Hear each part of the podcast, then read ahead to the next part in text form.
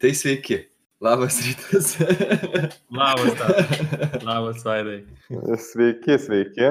Vaidai, ar tu šiandien važiavai į darbą su CTB? E, Šiandien jau pešiomis, bet e, jeigu būtų reikėję, aš tikrai, nu, beje, aš noriu pasakyti, kad mano duomenys nėra lyginti, nes aš laimingasis, kuris ilgą laiką tempiau užsiregistruoti tą sistemą ir aš keletą mėnesių vėliau užsiregistravau. O, pasisekė. Tai tavęs CTB istorija visai neliečia? Liečia, nesi- nes yra namiškiai, kurie nukentėjo ir jie turi didesnę problemą dėl atrinkti, kur ten, pavyzdžiui, koks slaptažodis naudojamas ir panašiai. mhm. Tai yra ta turbūt problema dvipusė. E, tai man tai asmeniškai turbūt e, tas CTV pats kaip biznis, tai yra, nu, man atrodo, fantastiškas. Aš norėčiau, kad to, tokio verslo būtų daug, kad tų automobilių būtų daug ir aš juo mielai naudojuosi, nes man yra patogu, aš įsivaizduoju, kad tai yra progresyvus požiūris į transportą. Ir tikrai linkiu tai įmoniai, kad jie čia viską, kuo šauniausiai viskas pasisektų. Tačiau yra kitas dalykas, kaip visuomenės turbūt atstovo, man atrodo, yra labai svarbu, kad būtų tas teisinis precedentas, kad mes tiesiog, nu, nenurašytume, kad, nu, geriau išgelbėjom verslą, bet paukosim, nu, tarkim, tą visuomenės interesą ir man atrodo, šitoje vietoje visuomenės interesas yra labai svarbu, kaip mes suformuosim ir kokį toną užduos tai e, kitom įmonėm. Nes ap- manau, kad tikrai esam visi dirbę daug kur vietų ir matę tokių dalykų, kur, nu, iš tikrųjų e, į privatumą mes pasižiūrim per, per nu, taip gana e, atmestinai. Aš labai bijau, kad mes galim nukrypti labai tokią teisinę diskusiją ir nei vienas iš tiesų nesam teisininkas. Aš tai net nenoriu Vienas- teisinės pas, tokios labai smarkiai uždėti, bet yra nu, paprastas dalykas, kad pagal bylų istoriją e, teisininkai dažnai remiasi Mhm. kitų bylų sprendime. Tai Bet- šitą turbūt nesunku yra suprasti, tai yra pasaulinė praktika ir Lietuvoje irgi taip kažkiek veikia. Bet man, įdomu, ką tu galvoji, koks, kas, yra, kas yra nusikaltimas čia visoje šitoje istorijoje? Kas buvo, kas yra, jo, koks yra nusikaltimas? E, Tai tų nusikalstamų veikų, tai turbūt yra kelios. Tai yra Mhm. vie- vie- viena veika yra tai, kad e, nebuvo tinkamai pasirūpinta privačiais duomenimis. Ki- Kita, kita nusikalstama dalis yra tai, kad e, tie duomenys yra pavokti ir jie, pavyzdžiui, yra parduodami. Nu, tai yra čia jau galima. Tai yra, vienas yra, pavyzdžiui, Ja, bet čia jau nebesitipi. Čia yra nusikaltėlis, tai yra vagis, kuris e, atrado tos duomenys tame backup serveryje ir juos dabar pradėjo pardavinėti. Ne? Bet tai jau yra precedentas, tai yra, tai yra to žmogaus, kuris tai rado ir dabar bando parduoti ir bando iš to. A- Aš netgi manau, kad iš tikrųjų čia nusikaltimas, nu, bet čia jau yra visiškai su teisė nesusiję. Mano supratimu, kad pardavimas yra nusikaltimas, nes tu pelnaisi iš, uh, iš, iš neteisėto dalyko. Ar yra, tarkim, tai, kad yra viešai prieinama ir aš pasižiūrėjau, aš nemanau, kad tai yra nusikaltimas. Nu, čia yra toks, tokia kuriozinė Mhm. situacija, įsivaizduoju, kad, pavyzdžiui, tu turi kaimyną ir, ir jisai ten, nu, sakykime, savo privačius dalykus, nežinau, persirenginėja neužtraukęs užuolaidų, tai netgi galima sakyti, kad jisai daugiau daro nusikaltimą, nes pažeidžia tavo interesą, nu, nematyti ten, tarkim, Jis namuose, jis daro, ką nori, jis privačio erdvėje. buvo toks skandalas, kad, e, e, nu, tarkim, žmonės tenai seksualinį aktą e, vykdė, atsitraukė užuolaidas ir kitam priešais name, kur yra nedidelis atstumas, vaikai galėjo tą matyti. Tai yra jau nusikalstama veika pagal įstatymus. jeigu žiūrėt. Ta prasme, tu Aš dar negali eiti viešai, nu, damn. daryti kai kurių dalykų. Bet va, tu sakai E, viešai, Jeigu tai tai matosi viešai, viešai, tai yra namuose. viešai. Nu, pavyzdžiui, tu negali e, ant savo namo sienos, kur yra tavo, nu, tarkim, nežinau, porno filmų rodyti, kuris matosi kaimynui. Nu, negali tokių dalykų daryti. Tai yra, nu, tam tikros yra Mhm. ribos, kurios, nu, tarkim, a, į- O tai kažkas buvo nubaustas už tai, kad... Aš žinok, aš nežinau, aš tiesiog lytiniu aktu. straipsnį mačiau, kur kaimynus. ten pasipiktinimas buvo, ir ten yra, kaip suprantu, buvo irgi ten video nufilmuotas, kur ten Mm. kažkokia detalė gal matėsi, nežinau. Nu, ten visada, žinai, straipsniuose būna Mm. uždengta kvadratukais, tai ten sunku, ypač nekokybiškam video, nu, ten daug labai kažką prikomentuoti ir ten. Čia jau teisės, man atrodo, tų tyriejų e, reikalas, bet pats, nu, to, toks Mhm. dalykas, nu, yra, kad e, kitas dalykas, jeigu tu viešai atsitraukęs užuolaidas tą darai ir aš nufotografuosiu tave, bet aš nepardavinėsiu, nu, tai čia mano turbūt yra teisė matyti. Nu, tarsi, tu negali priversti manęs nusisukti, kai tu darai kažką privataus. Tai yra, tu turi pasirūpinti savo privatumu, tai yra, turi būti adekvatu. Jeigu aš, Žinok, ne, nežinau, čia manos yra labai toks slidus tai teisinis nemanau, kad dalykas, yra kad... uh, slidus teisinis tikriausiai- dalykas, jis yra labai paprastas. Tarsi, aš neturiu būti nepageidaujamai įtrauktas į tavo privatų reikalą. Čia yra, nu, ši, turbūt toks principas. Ką reiškia, bet žiūrėk, tai ką reiškia įtrauktas? Tai tai, kad tu žiūri ir tu užsibdėjai tavai. Ne, tai žiūrėk, aš turiu Tai teisę žiūrėti visas keturias pusės ir jeigu tu nuspręsi daryti nepa, nepriimt, tar, nus, tarkim, nepriimtiną ten pagal uh, neleistiną veiklą arba iš principo tau nepriimtiną veiklą. Pavyzdžiui, tu norėtum, kad tavo privatumas būtų nepažeistas, bet aš, tarkim, nu, matau ir ten, tai čia turbūt tu nepakankamai pasirūpinai privatumu. Ne, man, nežinau, man čia atrodo labai, nu man nežinau, aš nesutinku, kad tu sakai, kad čia nėra slidu. Man atrodo, čia yra labai daug uh, to tokio, skirtingai galime vertinti visą šitą situaciją. Ir tikriausiai va irgi labai nuo aplinkybių priklauso. Bet jeigu aš, pavyzdžiui, tave prifotografuočiau ir paskui pradėčiau platinti tą, tai jau būtų mano nuomonė e, kitas dalykas. Ta prasme, tu gal sutinki, kad, Žinoma, nu, taip. kaimynai mato, kaip tu ten kelnes maunėsi, bet tu nenori, kad tai atsidurtų Delfi pirmam puslapį. Nu taip, taip, čia, čia yra visai kitas scenarius. Man atrodo, kad nu, yra, yra tam tikros ribos, nu, kur aš, e, arba ypač jeigu aš pradėčiau uždirbti iš to.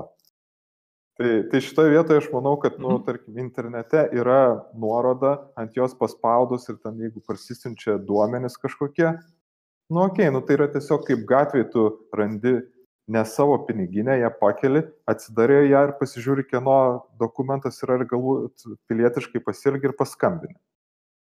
Bet jeigu tu pasiliksi Bet ar tu manai, kad pinigus, scenarijoje, tai kai yra, žmonės... nu, tarkim, irgi čia jau teisinis dalykas, ten yra nu, radybos ir panašus dalykai, bet iš principo, nu, tau nepriklauso tie pinigai rasti. Nu, bet žmonės siunčiasi nelegalų turinį internetu. Ar tu manai, kad jie galėtų apsiginti teisme, sakydami, kad aš nežinojau, ką gausiu pasisiuntęs šitą torrentą? Yra, yra keli bylą? dalykai su torentu čia šitoje vietoje. Vienas dalykas, kad iš tikrųjų žmogus gali nežinoti ir tikrai lengva pakliūti į situaciją, kai tu nežinai, ką atsisiųsi. Ant pakelio užrašyta uh, ten kažkoks, nu nežinau, Šekspyro sonetas, bet tu parsisinti ir ten yra iš tikrųjų uh, kažkieno autorinis darbas, bet ne Šekspyro ir tave apgavo. Ir tas patenka, tarkim, ir tada Mhm. tu, tarkim, kitas dalykas, kai tu jau žinai, kad nu, ten yra parašyta, nežinau, ką ten žmonės siunčiasi, filmus kažkokius naujausius panašiai, ir su torrento pagalba jie gaunasi, kad tampa platintojais, nes iš jų pačių gali būti siunčiama ta informacija. Tai Mhm. šitoje vietoje, nu, ta atsakomybė labai pasikeičia, nes yra vienas dalykas, kai aš tiesiog prasisinčiau failą savo reikmėm, kitas dalykas, kai aš tuo failu pasidalinau su kitais žmonėmis. Beje, tarp kitko, labai panašiai pas mus, man atrodo, veikia tas kriminalizavimas nar tų narkotikų. Tai yra, kad jeigu tu uh, nusiperki uh, suktinę ir tavęs, pavyzdžiui, draugas sako, duok ir man patraukti, tu tampi platintojui. Nors tu, nu tai kaip aš draugui atsisakysiu duoti? Čia yra labai, nu, tokių, vat, uh, bet čia jau teisinis dalykas, į kurį aš jau nenoriu lys, nes uh, čia ne, ne apie tai aš šneku. Bet mes jau labai lindom. Mes jau paskutinės 13 minučių, manau, tik apie teisinius dalykus. Tai va, tai man atrodo, kad yra, Nu, laikas krypti. Tai grįžtam prie tai CTP, atrodo, kad yra grįžtam prie labai svarbu, CTP. kad susiformuotų labai aiški žinia ir, ir aiškios atsakomybės dėl a, tokio neatsakingo duomenų tvarkymo. Tai yra visuomenės interesas ir man atrodo, tai yra labai svarbu. Jeigu mes tiesiog sakysim, nu, pasigailim to verslo, kitas verslas, nu, žinot, sunkiai mums čia dabar sekasi, davai dar čia paspaudžiam, čia gal po dviejų mėnesių mes tą e, savo techninę skolą su, su duomenų tvarkymu išsispręsim arba, nu, praslysim gal čia vėl ir galų gale, nu, jeigu jau baus, nu, gal pasigailės ir mūsų pagaliau, bet galbūt mes net neįkliūsim. Tai yra, nu, bet, tas.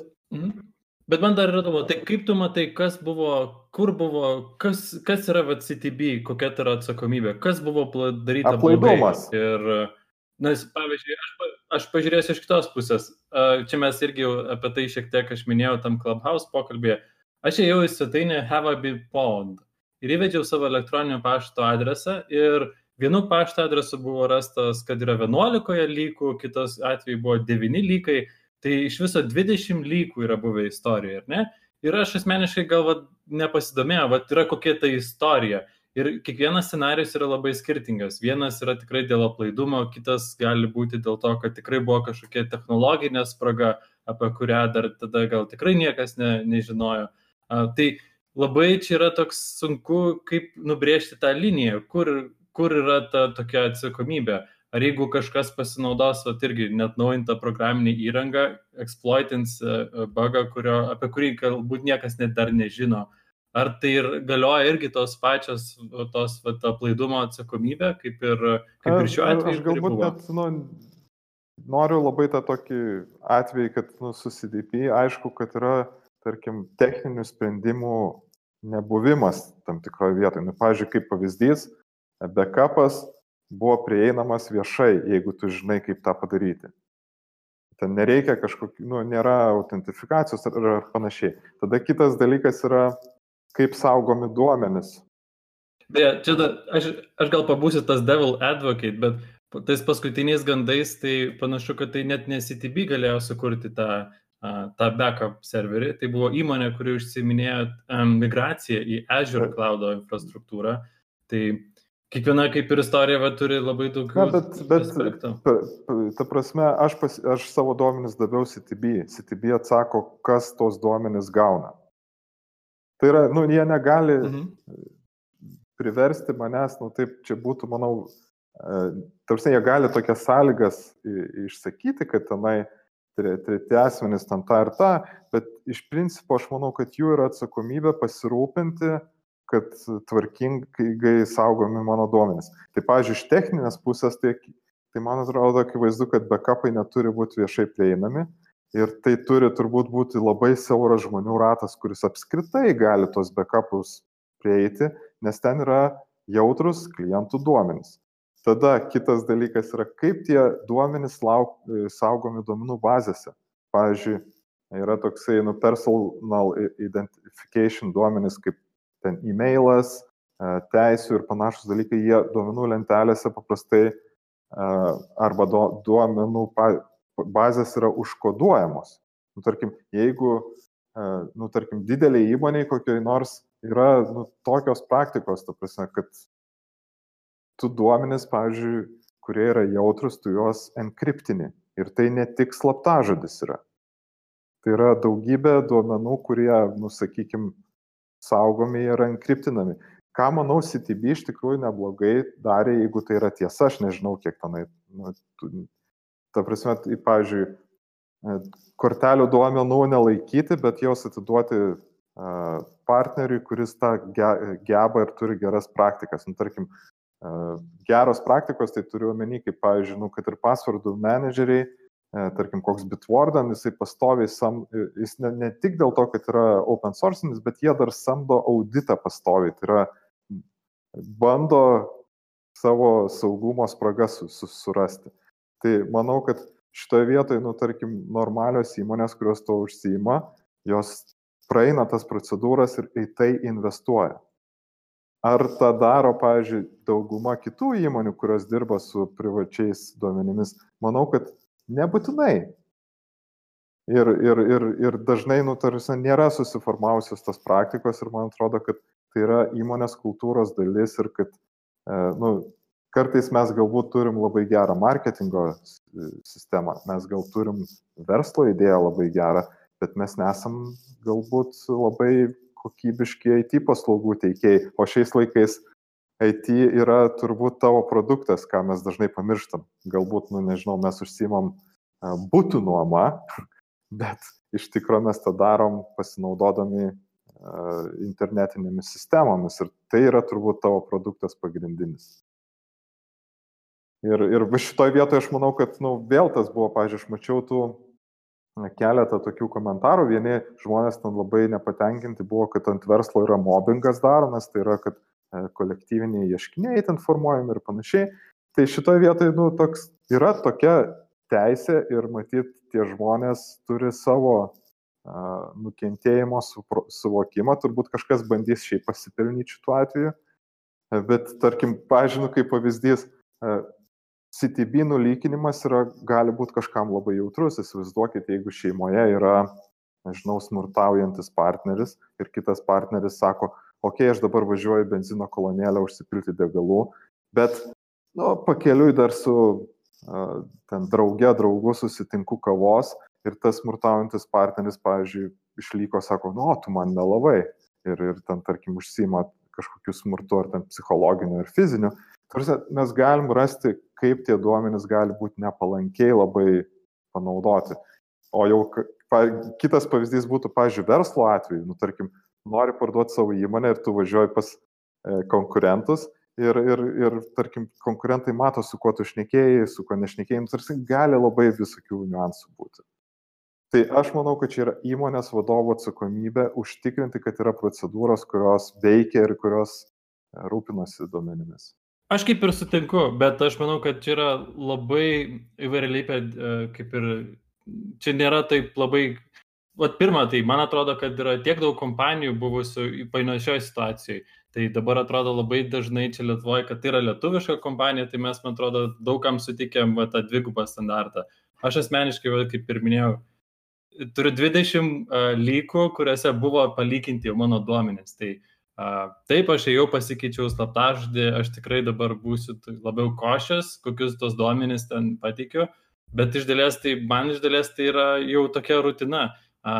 Labai net ir daug didesni, daug sėkmingesni produktai yra patyrę visiškai tokią pat situaciją. Taip, tikiuosi, kad bus išsiaiškinta, kad bus kuo daugiau transparency. Aš netgi labai tikiuosi, kad šitas dalykas yra iš 2008 metų net vadovaujant kitam vadovui, kuris net dabartinis įmonės vadovas yra visai kitas. Galbūt dabar šita situacija yra daug geresnė, galbūt visi šitie duomenys jie net, net jau yra dabar uženkriptinti ir mes kaip ir to nežinom, nes tai yra kaip ir langas į trijų metų. Čia, čia turbūt, ką tu šneki, tai yra tai... klausimas surasti, kieno tai yra atsakomybė. Bet uh, man, pažiūrėjau, kaip klientui tai yra neaktualu. Man neaktualu, ar buvo kontraktorius, ar buvo kažkas. Tai yra, nu, toks, čia yra ir, pavyzdžiui, verslo, pavyzdžiui, jeigu nusipirki verslą iš kažko, kaip pavyzdys yra čia tas orakulo lygas. Ten irgi gali būti, kad ten buvo tas dalykas atsitikęs dėl kažkokių sprendimų, kurie buvo prieš įsigijant vienam savininkui iš kito, bet tai yra rizikos susijusios su verslu ir man atrodo, čia yra normalus dalykas. Nenormalus dalykas yra tai, kad IT įmonėse, kuriuose pagrindinis produktas yra paremtas IT, nėra gerų praktikų. Tai pavyzdžiui, tu, Edvinai, žinai, kad tavo duomenys buvo ten, pavyzdžiui, kokią nors, nežinau, LinkedIn ar dar kažko nulykinti ir, ir, ir tu automatiškai, nu, nežinau, darai išvadas iš to. Nu, tarsi, čia nėra naujiena. Jeigu mes nesimokom iš istorijos, tai tampa nenauji, toks, nu, kaip ir kartoti tas pačias klaidas ir sakyti, kad, ai, nu, mes gal buvom nepatyrę. Nu, čia yra, ir čia yra ta liūdnoji dalis, kad, man atrodo, mes finale galim prieiti prie to, kad e, programuotojo darbas tas taps labai e, reguliuojamas, kaip, nu, nežinau, kitų inžinierijos sričių. Tai čia būtų liūdnoji dalis, nes man atrodo, kad čia iš tikrųjų verslo e, veikla turi būti reguliuojama. Bet, bet tu tikriausiai tai ir žinai, kad yra sertifikatai ir sertifikatai, kurie, pavyzdžiui, reikalauja, kaip yra tavo duomenys valdomi, kas jie gali prieiti, bet įdomu, ar tavo įmonė jau yra patenkinusi, ar, ar ją yra svarbu turėti tos va, sertifikatus dėl tos duomenų valdymo ir duomenų administravimo. Ne, tai sertifikatai tai turbūt yra įrodymas, kad tu kažką darai, ne? bet yra kitas dalykas, nu, tarkim, elementarus, nu, atsakomybė įstatymiškai Jeigu tu renki duomenis, tu turi daryti tam tikrus dalykus, užtikrinti. Tai tie sertifikatai, nežinau, man viduje aš turėdamas sertifikatus, nežinau, juos galima visada galbūt apeiti, ant kažko nepadaryti, ar ten sakyti, nu, čia kontraktorius darė, tai sertifikatas tik mums galioja, bet kontraktoriui gal ne, nes paėmėm sertifikatą, kuris neįtraukia kontraktorių, nu, tokių visokių galima skilių rasti. Tai čia tas dalykas, klausimas, kam tai yra aktualu ir kas tuo domisi. Nu, sakykime, jeigu aš pirkčiau paslaugą iš kitos įmonės, kuri dirbtų su sensitive duomenimis, nu, pavyzdžiui, kortelėmis, nu, tai aš tikrai reikalaučiau įrodymų, kad jie tą daro saugiai.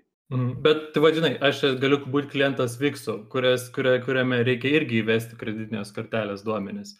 Bet ar, ar jūs, tarkim, ar tu jautiesi, kad, pavyzdžiui, tavo įmonė maksimaliai, nu net ne, nesakyčiau, kad maksimaliai, bet ar pakankamai va, yra pasiruošusi išvengti šitos situacijos, kokia nutiko? Aš turbūt negaliu, nu, nedariau pats analizės, nes nedirbu uh, tame padalinėje, bet aš uh, žinau, kad mes tikrai darom labai daug tų dalykų, yra, kurie yra, na, nu, kaip čia, kai tu dirbi mokėjimų srity, yra praktikos ten. Pavyzdžiui, praktikos yra, kokiam environmente, tarkim, dirba tavo servisai. Ten yra, atrodo, PII vadinasi ir kažkoks standartas.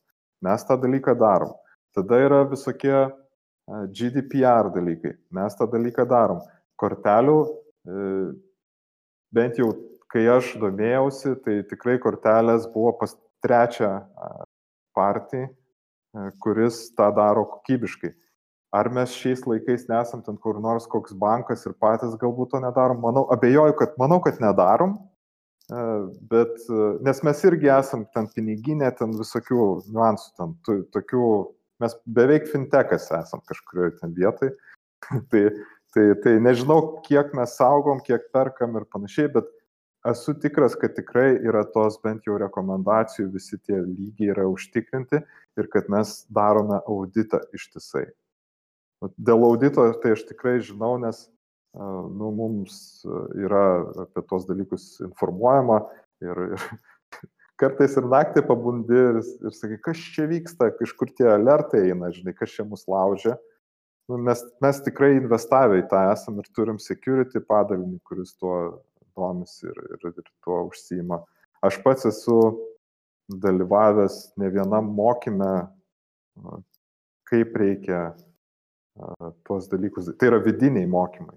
Tai manau, kad yra, nu, bet čia jau yra didelės įmonės nu, kaip privilegija, ta prasme, turėti daug viską pasidarius. Bet jeigu, pavyzdžiui, mes būtume koks nors bankas ir pas mus būtų 10 darbuotojų, aš manau, kad uh, turėtų būti ne ką mažiau tų reikalavimų. Tiesiog tavo domenas reikalauja tokių, tokių veiksmų. O tadai, tadai, tu pasakai, kokia tavo nuomonė į visą šitą situaciją? Labai mūsų dialogas toks ne, neįtraukia visų. Nežinau, jau labai daug prikalbėta, nebenoriu kartotis apie tą CTB. O pa, aš nebepamenu, tavo, tavo duomenys buvo pačiam tam CTB, ar tu dar ja, ne, ja, nebuvo? Vis, buvo, ne? buvo ten nulikinti. Nors aš tai kažkaip visai, kas dar įdomu buvo, tai kad aš prisijungiau pas, pasižiūrėti savo važiavimo istoriją Mhm. ir radau tik tais dvi, du kartus dviračių esu važiavęs. Um, ir nežinau, kodėl nemačiau automobilio kelionę. Mhm.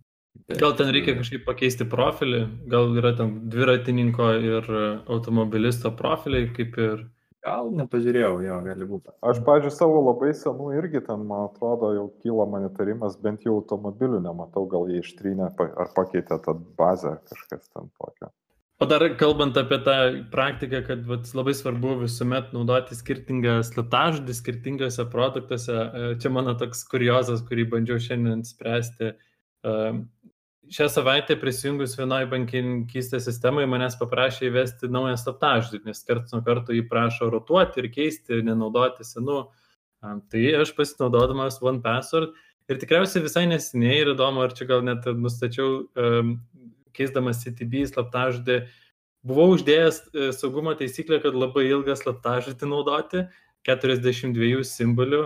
Ir akivaizdžiai pataikiau ant tokio bago, kad ta bankininkysės sistema nepriemė visų 42 simbolių, neišmetė jokio eroro, kad jūsų slaptažodis bandomas įvesti yra per ilgas. Ir e, tikrai kažkur nukatino visame tame flow, kol galiausiai tai atsigulė į, į įdomią Ir dabar nežinai, kiek simbolių reikia įvesti.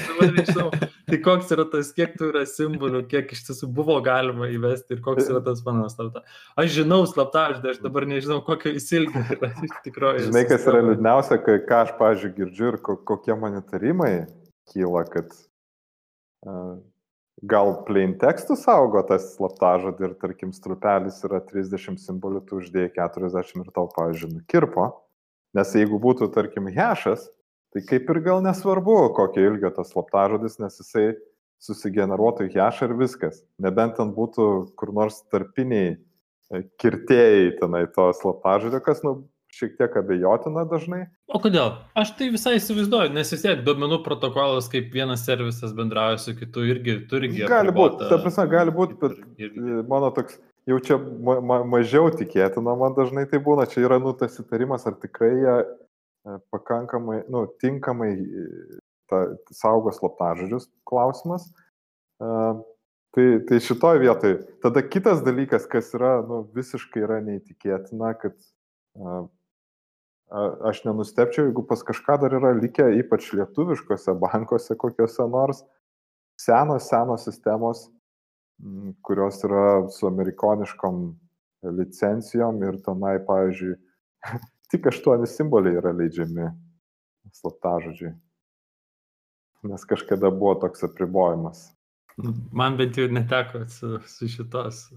Um, su šitos. Na, pa, pavyzdžiui, kaip pavyzdys, e, senus solarius susinstaliavus, jeigu tenai ne, ne, nepakeiti uh, slaptažodžių uh, ten modulių, tau jisai leisdavo tik aštuonis simbolius, nes čia būdavo kažkoks tenai ar eksporto, aš neatsimenu, koks tai ten įstatymas, bet realiai tai buvo daroma tam, kad FBI galėtų atsikoduoti tos slaptažodžius.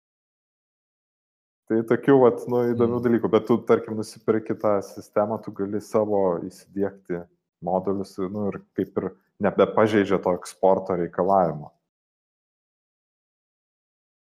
Čia gali būti, kad aš nusišneku, reiktų mm. patikrinti visus šitos dalykus, bet esmė ta, kad tikrai buvo aštuonių ar ten panašaus ilgio reikalavimas.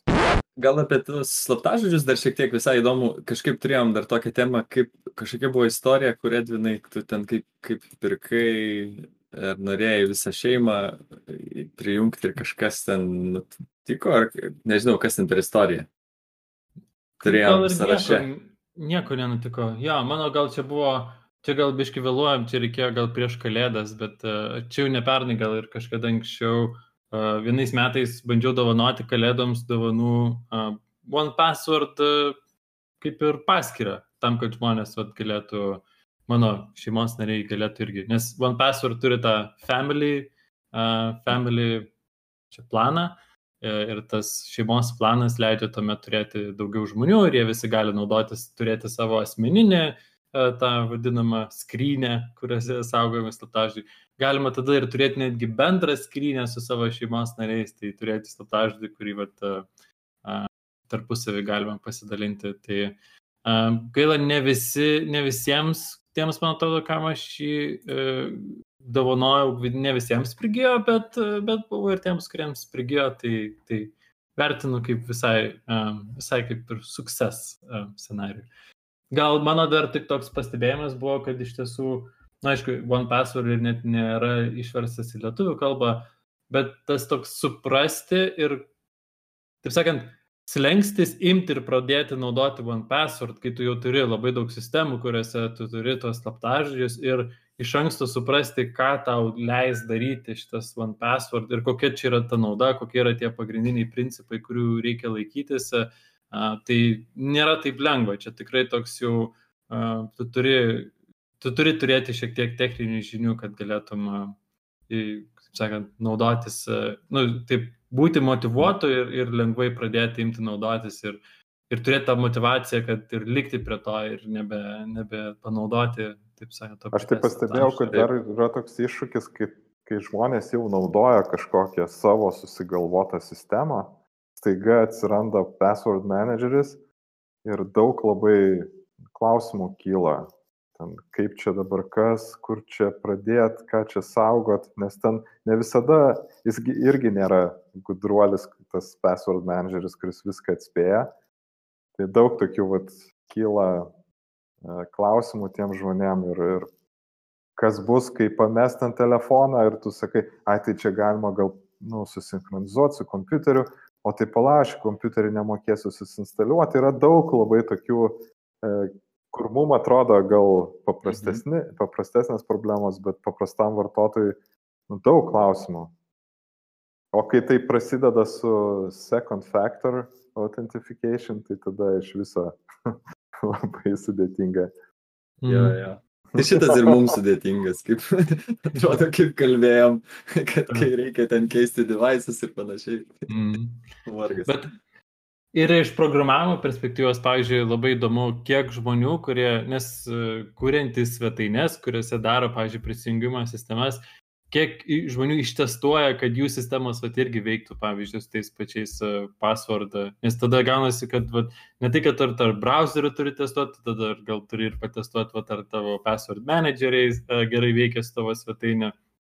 Turi būti jautrus mhm. savo subdomeinų naudojimui, nes tu nenori, kad, pavyzdžiui, vieną dieną tavo login screenas buvo su vienu ant vieno subdomeino, paskui perkelis ir ką, tada vėl visi one password ar bet kokio kito password managerio e, įrašai gali pradėti taip nebeveikti. Tai jo, tas e, technologinis kompleksiškumas tik auga, kiek tu turi, nu, tu turi ir saugiai daryti, tu turi daryti saugiai, kad ir vartotojai e, galėtų padaryti. Tai Tai senas, ger, senos geros galimybės, kai mes dar, e, nežinau, savo karjeros pradžios laikais kokius primityvius kartais projektus sukurdavom, jie veikdavo, žmonės pasinaudodavo ir tai būdavo cool.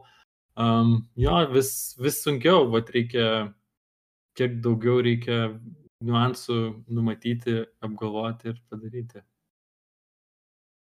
Bet manau labai puikiai dovana, aš, aš pats to kaip ir nedaręs, bet manau, kad irgi dabar taip esu įkvėptas ir irgi tą, tą dovaną dovanosiu savo šeimai. Aš tai galvoju, narėms. kad būtų labai faina Tikrai. padaryti kažkokią trumpą prezentaciją, kurią būtų galima padaryti, nes daug kas yra labai pagrista ne tai, kad žmonės nenori kažko daryti, nes žmonės nesupranta, kodėl ir kas čia bus, yra ta nežinomybė, daug nepaaiškinimo, Nes aš ir pats kartais bijau, tai kas bus, jeigu aš pamiršiu kažkokį slaptažodį ir aš galėsiu, pažiūrėjau, atsistatyti kažką. Ir mhm. ar ten pamesiu antrą faktorių, kas tada bus.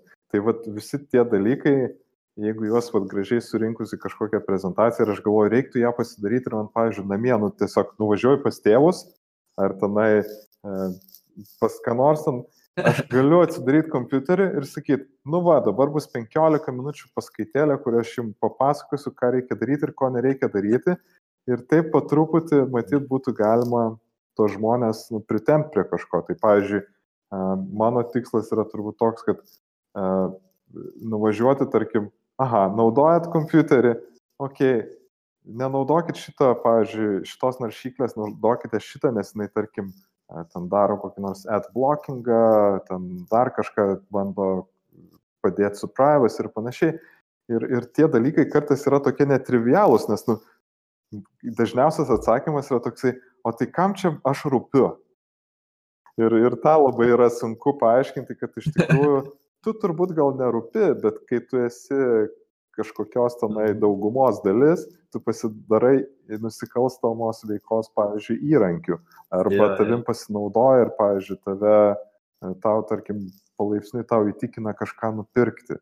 Ir, ir tokių vat, nu, niuansų, kurie, e, kai tu jas gerai paaiškini, pateiki pavyzdžius, jie labai e, užkabina žmonės. Man atrodo, tas Social Dilemma Mhm. filmas buvo labai toksai jautrus. O ką Jūs manote apie ateitį, kuri būtų be slaptažodžių? Manau, kad būtų neblogai, tik klausimas, koks tas uh, autentifikavimas įrankis būtų. Visai populiarėja dabar toks, kad labai daugėja vietų, kur, pavyzdžiui, turi tik savo elektroninio pašto adresą, jį įvedi, tada tau ateina e, greitai laiškas, kuriame yra tas vienkartinis prisijungimas. Kiti daro tai per telefoną. E, nu, aišku, abu ir emailas, ir telefonas, jie gal irgi, jie dar tada, jie tampa tokie labai svarbus saugumo e, perspektyvai.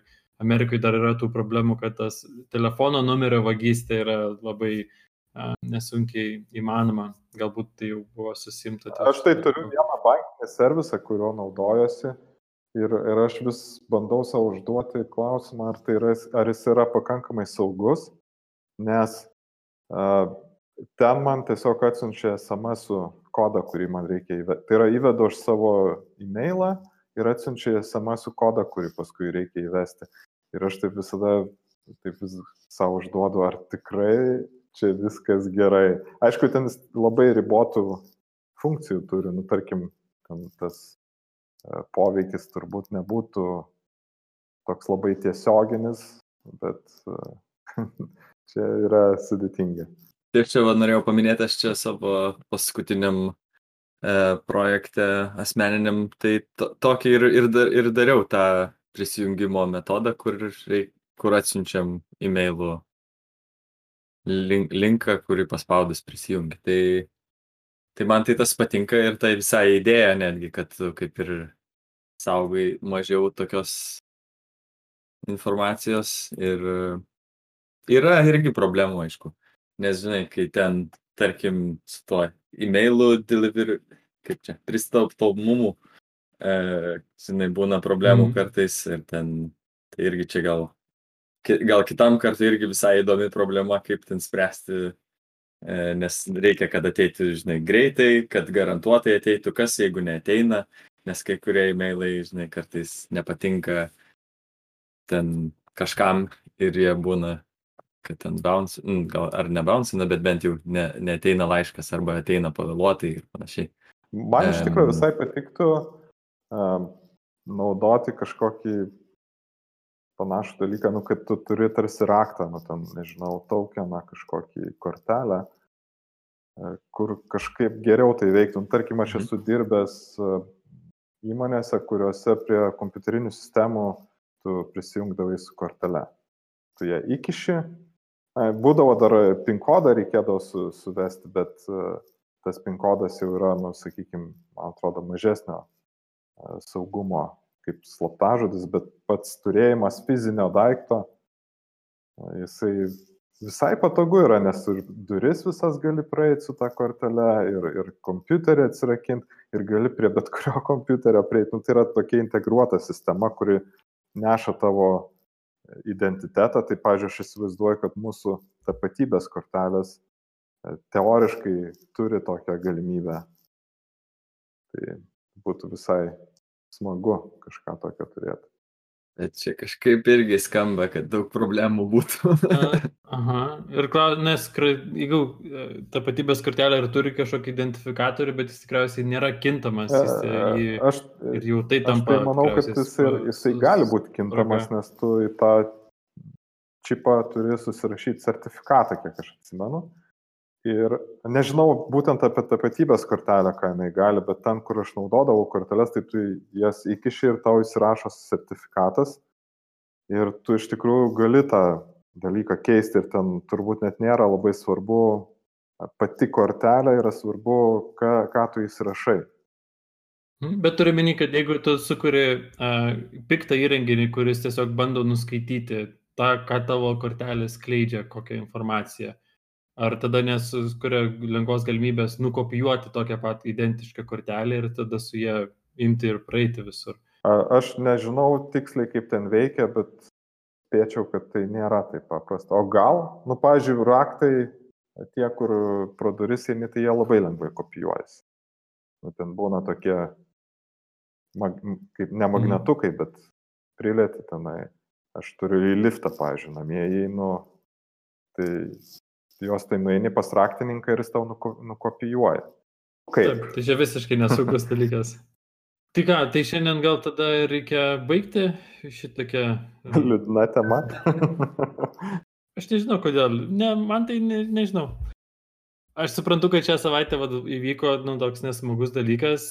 Labai manau, kad džiaugiuosi, kad bendrai Lietuvoje tikriausiai vien tik kiek daug diskusijų apie tai buvo. Tikriausiai bus vien dėl to jau progreso. Uh, bet ar kažkas tokio labai unikalaus nutiko? Uh, aš vis dar laikausi tos nuomonės, kad e, čia tokia jau, aš dar kaip tik irgi žiūrėjau šiaip savo tokių, e, dingo ir ne mano asmens kodas, tai man dabar gal čia yra jautriausias tas, e, tas jautriausias duomuo, kuris dingo per tą CTB-lyką.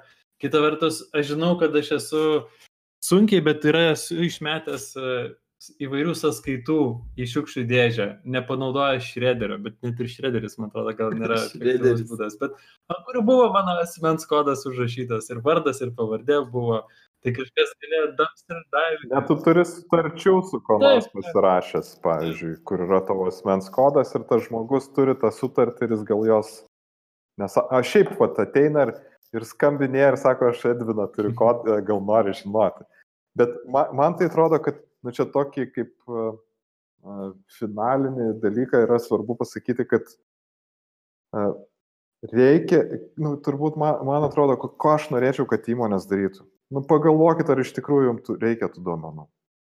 Yra daugybė įmonių, kurios saugo duomenis ir jų iš tikrųjų jums nereikia. Jeigu jums jų reikia, pavyzdžiui, dėl teisinio kažkokio reguliavimo, yra sprendimai, pavyzdžiui, tuos duomenis atiduoti trečiom šalim valdyti, kurios tą sugeba. Yra įvairių sprendimų. Yra, daug duomenų mes kaupiam tik dėl to, kad yra tas, nu, 21 amžiaus fenomenas, kad mes tarsi viską nemokamai duodam, bet iš tikrųjų parduodam duomenis, bet galiausiai viskas gausi taip, kad mes dar ir susimokam už servisus, nu kaip pavyzdys, vėlgi to pačio CTB ar kažkur, jie kaupia apie jūs duomenis, analitiką kaupia, bet jūs dar ir susimokat. Čia pabaigai žiūriu, kad mano elektroninė pašto dėžutė yra du laiškai iš Sparko. Vienas Sparko laiškas sako, rūpinamės uh, klientų duomenų saugumu, toks ilgas, ilgas laiškas, kuris tiesiog tikriausiai kalba apie tai, kaip jų duomenys yra užkoduojami ir jie yra saugus. O antras laiškas taip yra apie tai, kad uh, Aha, aš irgi gavau. Sparko kainos pakilo. Čia toks, jie gal bando tikėtis, kad atbėgs daug klientų dabar staiga. Nu, kad taip ir bus. Tikrai augimo bus jiems, e, tikrai atsiras žmonių, kurie pasirinks kitą. O ko, koks parkas blogesnis už CTB? Nėra blogesnis. Gal jis ger, gal geresnis iš tos pusės, kad Sparko automobilių parkas yra vien tik elektromobiliai. Tai gal tai riboja, jog e, sudėtingiau daryti tolimas arba ilgo laiko keliones, bet uh, Bet vat, miesto prasme, tai aš visuomet dažniausiai net renkuosi parką, nes jo, važiuoju su elektromobiliu. O tai jų automobilių mažiau, ar juos paparkuoti ne visur galima, ar dar yra mhm. kažkokių kitų minusų? Automobilių mažiau, bet... Iš principo bet tas pats yra automobiliai kitokie. Pavyzdžiui, aš labai dažnai CTB turiu rinktis dėl to, kad man bagažinės didelės reikia. Tai elektromobiliai retai turi talpę bagažinę. Nu ką, gerai, gal tuom ir baigsim tada šį kartą.